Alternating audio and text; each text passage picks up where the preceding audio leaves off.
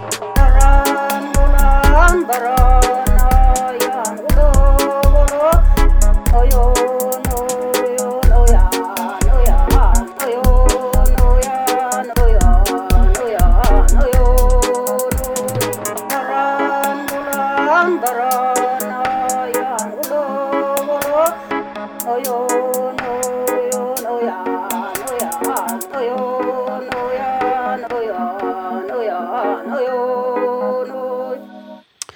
Welcome back for this podcast in uh, our series on circumpolar music traditions. Uh, we have been talking to joiker Ande Somby, and today is episode number two with Ande talking about Sami music.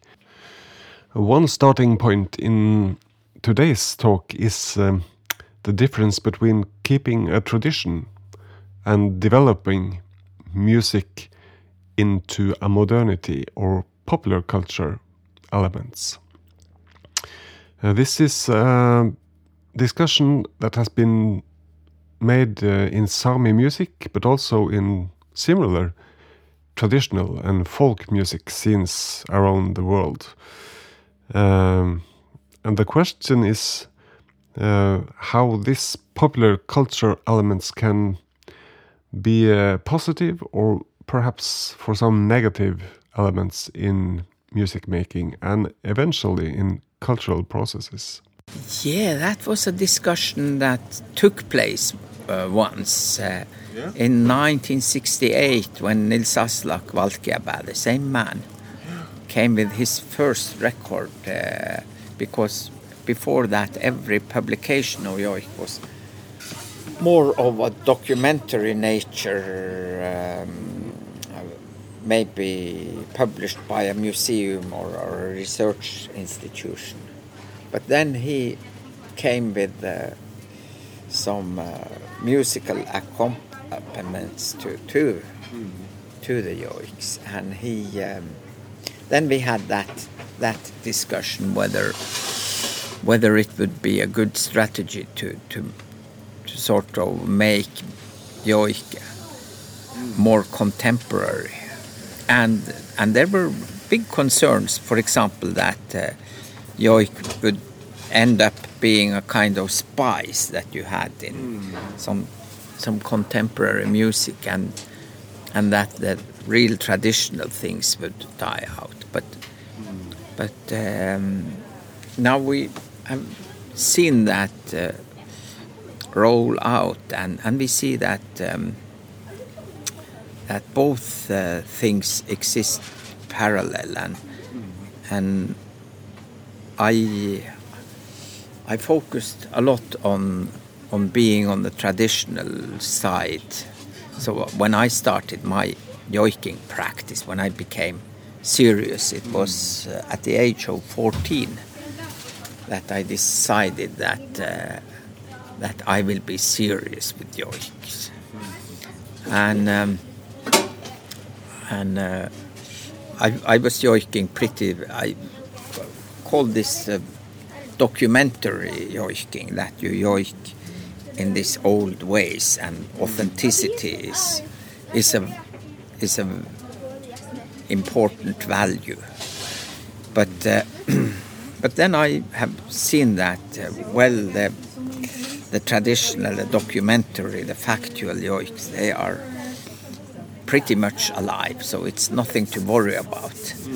So then I decided that I okay I can go artistically and try to find some new new rooms in Joik that hasn't been explored uh, so much. So so I tried uh, started to Joik pretty expressively, like my Wolf Joik and and this uh, the animal yoik projects where I sort of research where are the possibilities where you can uh, can uh, put emphasis and and uh, where are the gaps you can fill and where can you create mystery and energy and and and so on. So so uh, and I think that uh, we will all, we will get more people who will be inventive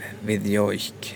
Uh, not only, not only uh, inventions in modern music and, and what kind of rhythms and and and would you would you be able to program artificial intelligence to to really yoik advanced like beyond uh, what a human voice is capable of of producing. Uh, that is sort of one direction but but also to to look at um, for example the dramatic sides of of, of and uh, and uh, and uh, it is so vibrant and alive now I think that that um, that these possibilities are here and and it's uh, a matter of, of exploring them and trying them out. So that was uh, my attempt to do that. But for example, with this project that I had with together with Chris Watson, that is called Yoiking with the winged ones, um, where uh, I was working with with the echoes, uh, and it was inspired by three things. The first was that uh, we have learned to yoik from the from the underground people, the, the people who live under the ground. So it, it's so funny because um, because uh, we have uh, uh, when you sing beautifully, then one will say that she sings like an angel. but but if you yoik, if, if you are very good at yoiking, then you the best thing you can say about a person is that she yoiks like an underground. then then yeah, that's the the greatest compliment a, a yoiker can get. Uh, so that was the first inspiration. My second inspiration was a Norwegian one because uh, I think that uh, also the Norwegian mind, the Norwegian thought, the Norwegian collectivity has thought about nature, that nature has soul, and that uh, there are spirits in the ground that one has to respect and so on. So I have been so fascinated by uh, a song where I think that is the moment when Norway goes at, uh, to war against the the the souls of nature, the, the spirits, and I think it's Henrik Wergeland's song from the 1830s that is that war song. Um, it says Nisser og dverge bygger i berget, men vi skal mine dem alle her ut. Ti vi synger, muntre i klynger, sprenger vi berget i lufta med krutt. So, and the whole song is about that uh, war that uh, is against the.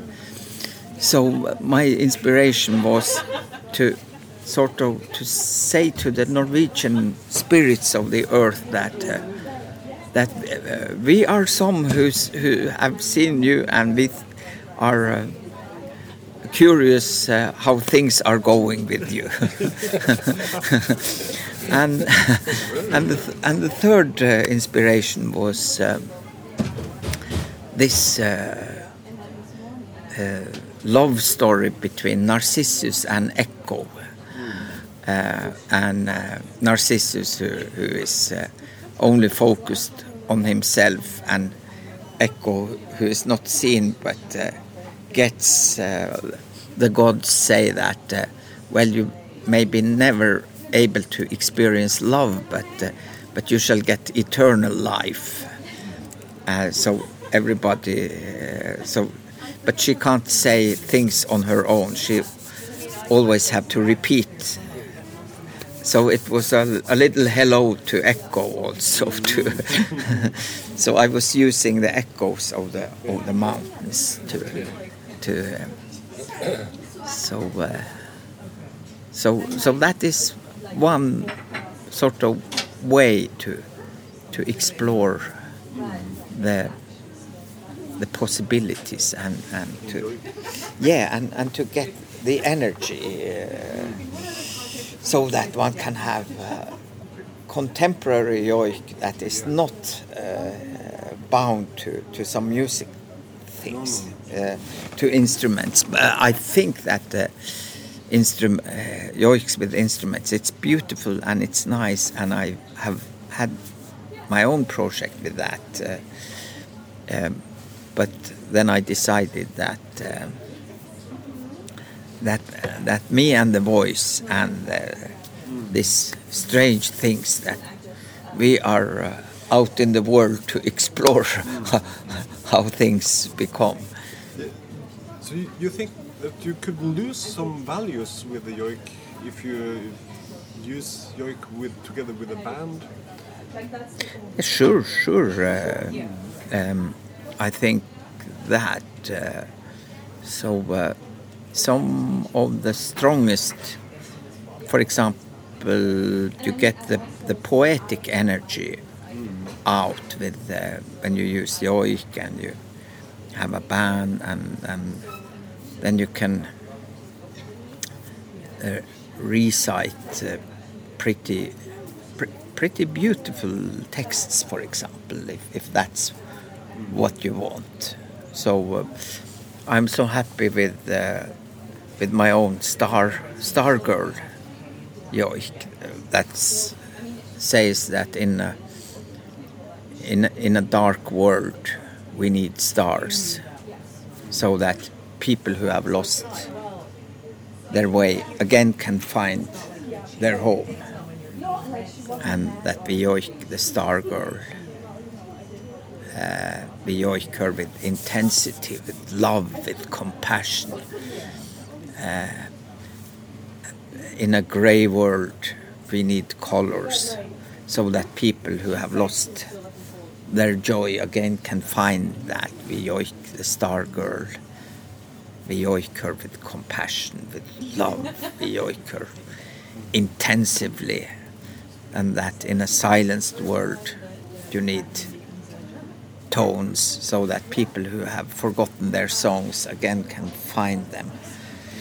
So it was a kind of a welcoming welcoming uh, poem to people who have been ashamed of the oiks that uh, it is possible to, to go and search for them and and do projects. Like I think Frode Fjellheim is a very good example of, of a person who has hasn't been a native yoiker is a very good example of a person who is not a native yoiker but but he has uh, done that. He has when a, a silence word and fine tones and then you can start to sing again. And and a lot of Sami people who have sort of had lost their clothes with the colors that in a gray world you need colors so that people again can find their joy. So